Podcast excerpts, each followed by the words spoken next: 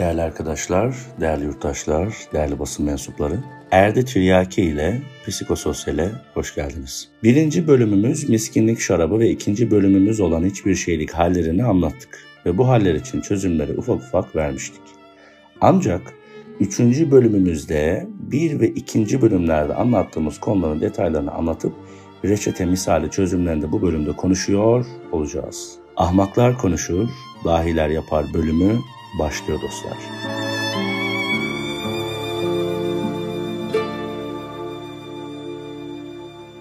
Dingin savaşçı rutinlerinden bahsederken neden savaşçı olmalıyım? Ben hayat içerisinde savaşmayı seven biri değilim diyebilirsiniz. Savaşçı olmak zaten sizin dışınızdaki dönen dünya ile savaşmak değil, sizi durduran ve yavaşlatan iç dünyanızla ilgilidir. Miskinlik halinden, hiçbir şeylik halinden ve serkeşlik halinden bahsetmiştik. Ve dedik ki miskinlik bir sonuçtur. Peki hangi davranışların, düşüncelerin ve hallerin sonucudur? 1. Üşengeçlik 2. Aşırı detaycılık 3. Bahaneler 4. Hedefler hakkında sadece konuşmak. Aslında hedefsizlik. 5. Ürkek ve çekingen olmak. Yani cesaretsiz davranışlar. 6 kararsızlık ve sonuca yürüyememek. 7. Kendini beğenmemek ve sürekli kendine negatif eleştiride bulunmak. Yani özgüvensizlik. 8. Rasyonel adımlar atamamak. 9. Motivasyon rüyasını izlemek ve gözünü açamamak. Yani kendini kandırmak. 10. Koşmaya dermanı olmadan ben koşabilirim demek. Bunların her birini tek tek işleyeceğiz ve sürecimiz içerisinde çözeceğiz dostlar. Miskinlik zırhını giyen kişinin önünde. Bu saydığımız maddeler vardır ancak bu maddeler farklı koşullarda değerlendirmelidir. Mesela miskin bir anne veya bir babanın koşulu, miskin bir öğrencinin bulunduğu durum veya onun bulunduğu koşul, miskin bir hoca, miskin bir sporcu vesaire vesaire. Bu durumda olan kişilerin yani bu sayılan maddelerdeki haller içerisinde olan kişilerin yapması gerekenler nelerdir? Reçetemiz nedir? Dostlar, reçete arıyorsanız şayet o zaman dengesizliği fark etmişsiniz demektir. Fark ettiyseniz önce gözlerinizi açmanız yani miskinlik şarabını elinizden atmanız gerekiyor. Yazdığımız maddelerden üşengeçlik haline örnek verecek olursak. Bu hal içerisinde olan kişiler bir işe başlamak konusunda eksik veya yavaş kalmaktadırlar kendinize soracağınız soru veya sorularla fark ediş evrenizi uyandırmanız gerekmektedir. Fark ediş evresindeysen eğer hala sarhoş değilsin. Elindeki şarabı attın ve şimdi sorularla yüzüne gerçekliği bir soğuk su gibi vurma vakti geldi demektir. Miskinlik halinde bir işe başlamadan evvel çok kısa durumu analiz etmek amaçlı. Gözleri kapatıp kendi içinize yönelip kendinizle konuşsanız. Bu işi yapmalıyım biliyorum. Peki yapmazsam ne olur? Hiçbir şey olmaz. Yani yapmayınca korkulacak tehlikeli bir durum yok. Peki yaparsam ne olacak? Kafamdaki işlerden biri eriyecek. Bir yük daha omzumdan kalkacak. Beyin gelişimime katkıda bulunacağım. Her şeyden önemlisi ahmak gibi konuşmak yerine dahi gibi yapma yoluna adım atmış olacağım. Ben bu mertebeye geçmeliyim deyip 5 saniye kuralına göre 5'e kadar gözü kapalı sayıp 5'te aniden kalkıp işe koyulmak en hızlı başlangıç adımı olacaktır. Kafanızdaki sesleri susturmanın en güzel yolu onlara önce limit koymak ve sonra duymamaktır. Limiti yarın yaparım derseniz yani limiti yarın olarak koyarsanız Beyniniz onu yarına kadar askıda duran bir iş olarak tutar. Bu işin heyecanını da kaybettirir. Süreyi 5 saniye yaparsanız beyninizi bir yarışa sokar ve hızlıca aksiyon konusunda ona bir hedef vermiş olursunuz. Değerli arkadaşlar, beyninizi nasıl kodlarsanız o şekilde çıktı verecektir. Kendinize korkak derseniz korkak hareketleri sevk edecek korkak düşünceler. Çirkinsin derseniz çirkin görmenizi sağlayacak çıktılar üretir. Madem elimde kendimi yöneteceğim, kaptan kamerasındaki dümen elimdeyse neden o zaman nazlanmak yerine hareket etmeyeyim ki? Miskinlik, hiçbir şeylik ve serkeşlik halini fark etmeniz için size bu durumun tüm hallerini bir simülasyon tadında anlattım.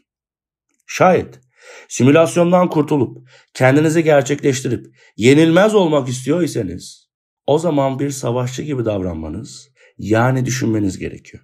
Hayat siz üzgünsünüz diye durmayacak ve hiçbir sorun çözümsüz değildir. Yeter ki çözüm odaklı bakabilelim. Miskinlik şarabının içilmesi sonucunda oluşan halin adı da hiçbir şeylik hali ve devamında da pastanın üzerine konan final meyvesi benzeri serkeşlik hali gelecektir. Bu da bir miskinlik şarabı sonucu oluşan yarı uyuşukluk, yarı da dünya dengelerinin size sunduğu sahte karakterlerin özelliklerinden etkilenme halidir. Ağızda sigara, özensiz kıyafetler ve hayatındaki dört temel unsura dikkat etmeyen bireyler toplum içinde hiçbir şeylik haliyle serkeş bir biçimde yaşamaktadır. Pardon, takılmaktadır. Çünkü takılmak askıda olma halidir. Ve hedefe olan insanlar takılmaz. Amacına uygun adım atar. Takılmak miskinlik şarabını içmiş, hiçbir şeylik bakış açısıyla cool gibi gözüktüğünü zanneden serkeş insanların ortak fiilidir. Vakit değerliyken onu kafandaki örümcek ağı gibi örülmüş engellere takılarak mı harcayacaksın yoksa hedefine son sürat koşarak mı? Değerli dostlar, hayatta beslenmesi elzem dört temel unsur vardır. İnsan hayatında önce kendini beslemelidir. Rahmetli annemin bana ufakken söylediği o eşsiz sözü sizinle paylaşacağım. Benim için çok elzemdi, benim için bir mottoydu ve benim için çok diğer fikirlerden ayrıştırıcı bir yanı vardı. Basit ama etkiliydi. Onu size paylaşıyorum. Evladım, sen iyiysen herkes iyidir. Sen kötüysen herkes kötüdür. Şimdi ne demek bu? Bunu açıklayacağız. Siz kendinize bakmayıp çevrenizdeki insanlar için sağlayıcı modunda olduğunuzda, hayatınızın merkezinde kendiniz değil de hep başkalarına destek olduğunuzda doğru bir adım atmamış oluyorsunuz. Elbette hayatta paylaşımcı olacağız. Hayat paylaştıkça güzeldir. Ancak kendimizi iyileştirmeden şifa dağıtmak uyuşmuş zihinlerin görevidir arkadaşlar. Siz iyi olmadan nasıl şifa dağıtacaksınız? Siz öğrenmeden nasıl öğreteceksiniz? Arkadaşlar, önce kendinize yöneleceksiniz. Çünkü sosyal medya zaten sizin dışarıdan güçlü, eğlenceli ve hedeflerine koşan kişi gibi gözükmeniz için yeteri kadar çabalıyor. Peki neden bu kadar açık camdan çıkmak yerine bir karış yanındaki cama ısrarla vuran sinek misali hedeflerine koşamayan kişi var? Bunu düşündünüz mü? Dört temel unsuru beslemez. Yani oraya yatırım yapmazsanız eksik ve güçsüz kalacaksınız. Unutmayın ki eksiklikler sizin sınavınızdır. Bunları görüp çözüm üretmek gerçek savaşçıların işidir. Eksik ve güçsüz kalmamak için dört temel unsura yatırım yapmalısınız. Bunlar beden, kalp, beyin ve ruhtur. Şimdi bunları tek tek irdeleyelim, tek tek açıklayalım. Arkadaşlar beden yatırımı için sağlık kontrolleri yapmalısınız. Çok basit madde madde düşünüyoruz. Sağlık kontrolleri. Sağlıksız gıdaları hayatınızdan çıkarmalısınız. Düşünsenize. Bir makinenin giriş kısmından içerisine çöp döküyorsunuz. Ve makinenin sonundan frambuazlı pasta çıkmasını bekliyorsunuz. Bu mümkün mü? Var mı böyle bir şey? Mümkün değil değil mi? Peki o halde ağzınızdan giren kötü gıdaların çıktısında vücudunuzun nasıl doğru çalışmasını bekliyorsunuz? Ben buna kendimce girenler çıkanlar teorisi diyorum. Kulağınızdan giren ses, ağzınızdan giren gıda, burnunuzla soluduğunuz hava kadar çıktı üretebilirsiniz dostlar. Sigara içip, fast food denilen kanserojen ürünleri tüketip, anlamsız tempoda beyne zararlı müzikler ve manasız dinletiler dinleyerek kendinizi geliştiremezsiniz. Öncelikle kan tahliliyle kan değerlerinize baktırmalı. Vücudunuzun içindeki haritayı ortaya çıkarmalısınız. İlk adımınız bu. Buna göre takviyeler almalısınız. Direncinizi artırmalısınız. Bu saydıklarım beden yatırımınız için çok önemlidir. Öncüldür ve önemlidir. Sonra bedeniniz için spor yapmalı ve sağlıklı olmalısınız ki diğer kalan unsurlara geçelim. Bunlar olmadan diğerleri olmuyor değerli arkadaşlar. Spor, sağlıklı olmak, vücudumun durumunu tespit etmek, nedir, ne haldeyim bunlar bizim öncelikli işlerimiz olacak. İkinci unsurumuza geçecek olursak bu da beyin yatırımıdır arkadaşlar. Beyninizin çalışma dinamiğini anlamalısınız. Buna göre geliştirici önlemler almalısınız ki biz zaten bu serimizde bunlardan bahsediyoruz. Bu önlemlere göre beyninizi geliştirmelisiniz. Önce beden, ondan sonra beyinsel gelişim, beden gelişimiyle beyinsel gelişimi destekliyoruz. Beyninizde limbik sistem adında bir bölüm var arkadaşlar. Dürtüsel istekler buradan kontrol ediliyor. Beslenme, öğrenme, duygusal ve fiziksel tepkiler, cinsellik gibi istekleri besleyen yapı buradadır. Limbik sistemin kontrolü için dürtüleri anlayıp yönetebilmek gerekmektedir. Elbette hayattan keyif alacağız. Ancak hayatı tamamen hedefsizce keyif üzerine kurmak bizi doğru yoldan saptıracaktır. Keyif üzerine adım atmak bizim bir nevi ölüm fermanımız oluyor. Ne ölümü? Beyin ölümü. Tamam çok net. Bellek yapılanmasının kontrolü için hipokampüsümüzü geliştirmeliyiz. Mesela bunun için düzenli ve sürekli egzersiz yapmalıyız. Kitap okuma yine buraya dahil edilebilir. Yeni şeyler öğrenme gayretinde bulunmanız lazım. Dil olabilir, enstrüman olabilir, farklı yerleri gezmek olabilir. Yürüyüş yapıyorsanız farklı sokakları gezmek olabilir. Bunlar beynimiz için elzem olan maddelerdir. Hayatımızdaki dürtüsel yapıyı kontrol etmek için de muhakkak ödül ceza ilişkisini hayatımıza yayıp prensipler ve sorumluluklar konularını anlamalı ve hayatımızda bunu geliştirmeliyiz. Bu konuları bu arada arkadaşlar ayrı ayrı anlatacağız. Bu konuştuklarımızı tek tek daha detaylı konuşacağız. Şu an girizgah yapıyoruz. Sizi belli bir noktaya hazırlıyoruz. Değil mi? Yoğurmadan ısıtmak, ısıtmadan pişirmek olmaz.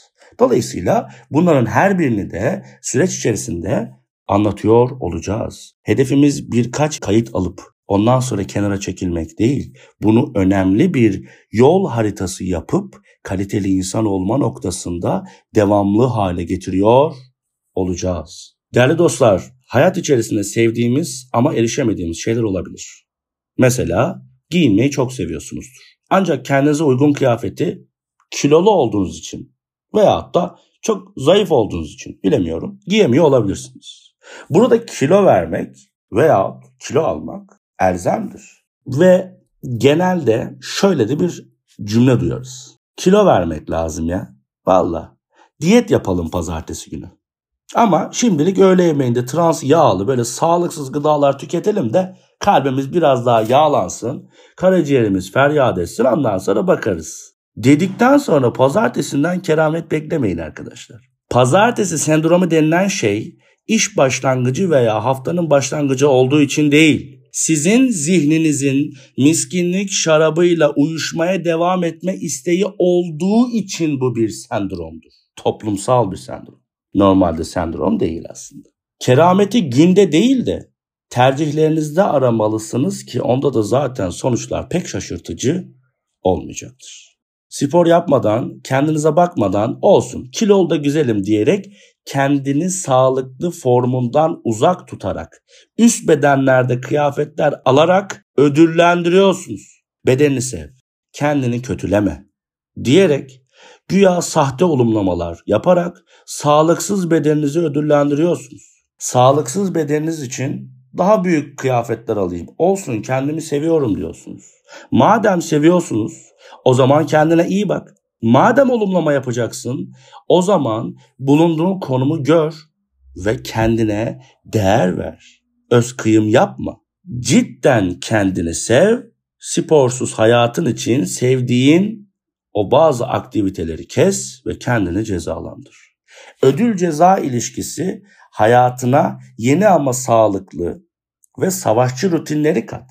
Yoksa elinde miskinlik şarabınla hedeflerini ertelemeye devam edeceksin. Bu konuya başka bir bölüm yaparak ayrıca değineceğim. O ayrı. Ama ödül ceza ilişkisini hayatına katmak zorundasın. Kilo almış halinle veyahut da yapmadığın o miskinlik hallerinle kendini ödüllendirme. Sevdiğin işlerle cezalandır ve yapman gerektiğini de fark edip kısa vadede önüne madde olarak koy. Kendini sahte motivasyonlar ve olumlamalarla pışpışlama. Eğer olumlayacaksan önüne bakmalısın. Son iki madde yani kalp ve ruh kaldı değil mi? Kalbimi güzelleştirmenin yolu etrafındaki güzellikleri hissetmektir değerli dostum. Deniz kenarında elinde telefon olmadan sessizliği dinledin mi hiç? Ya da kuşların cıvıltısını ya da yeşilliklere uzanıp doğadaki bir hayvana şefkat gösterdin mi? Yaşlılarla ilgilenip bir çocuğun yanağını okşadın mı? Bir kişiden karşılık beklemeden yardımcı olunması gereken bir konuda yardımcı oldun mu? Sokakta gördüğün bir tanıdığına gerçekten nasılsın deyip tebessümle baktın mı ona? Değerli dostlar, kalp insan insan yapan ve çevreyle etkileşime girmemizi sağlayan en önemli unsurlarımızdan biridir. Bazen affetmeyi bilmek, bazen yapılan kötülüklerin de üstüne çıkıp kanat çırpmak gerekir. Siz kanat çırpıp yükselirseniz aşağıdakiler sizin için sadece zaman geçirdiğiniz geçmişteki anılar olarak kalacaktır. Daha doğrusu kalmalıdır. Kalbi güzelleştirmek için ne yapmalıyım sorusunun cevabı olan bir anahtar sözcük vardır. Ahlak. Ahlak konusu çeşitlendirilebilir. Toplumsal ahlak, bireysel ahlak, iş ahlakı ve benzeri. Aynı toplumda yaşayan insanlar için çevremizdeki insanların dürtüsel hareket ettiğini bilerek hareket etmek bizim bilinçlendirdiği gibi ahlakımızı da güçlendirir. Bakın örnek vermek gerekirse hep aynı örneği vereceğim ama trafikte size ya da değerlerinizi hakaret eden insanlar olabilir. Bunlara aldırış etmezseniz bu kişiler en son çare değil mi? Genelde görüyoruz. Trafik lambasına söverler. İçinde led olan, elektrikle çalışan plastik bir malzemeye söverler.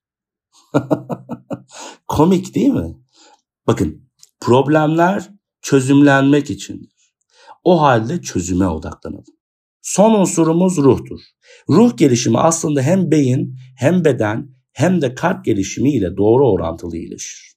Ancak yine de sizin hayatın tüm unsurlarını bırakarak gün içerisinde çok kısa da olsa ruhsal meditasyon yapmanız gerekir gün içinde enerji olarak vücudunuzda biriken toksikleri çöp kutusuna atabilmek için gün sonu değerlendirme yapmak gerekecektir.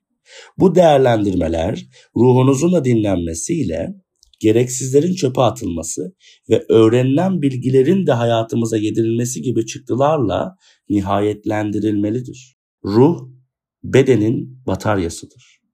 Meditasyon ile şarj olması gerekmektedir sürecimizde bahsedeceğimiz tüm konuların temelinde bu dört unsur yer almaktadır. Her bölümde bahsettiğimiz her detayda bu unsurları daha da derine inerek detaylandıracağız.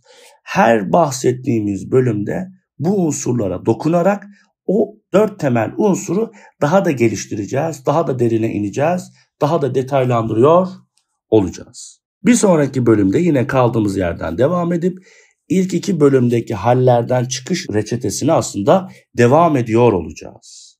Toparlamak gerekirse şayet yolculuğumuz boyunca hep bahsedeceğimiz dört temel unsuru hayatınızda köklü değişiklikler yaparak besleyebilirsiniz. Melankoli şarabını bırakıp kendinize yöneldiğinizde ruhsal öz kıyımınızı da sonlandırmış olacaksınız. Gerçek savaşçı için dünün yıkıntıları veya yarının kırıntıları yoktur. Sadece an içerisinde elindekileri, gerçekleştireceği yönleri, eğiteceği eksiklikleri ve gerçekleştireceği kendisi vardır. Değerli dostlar, konfor alanından çıkmak zorundasınız.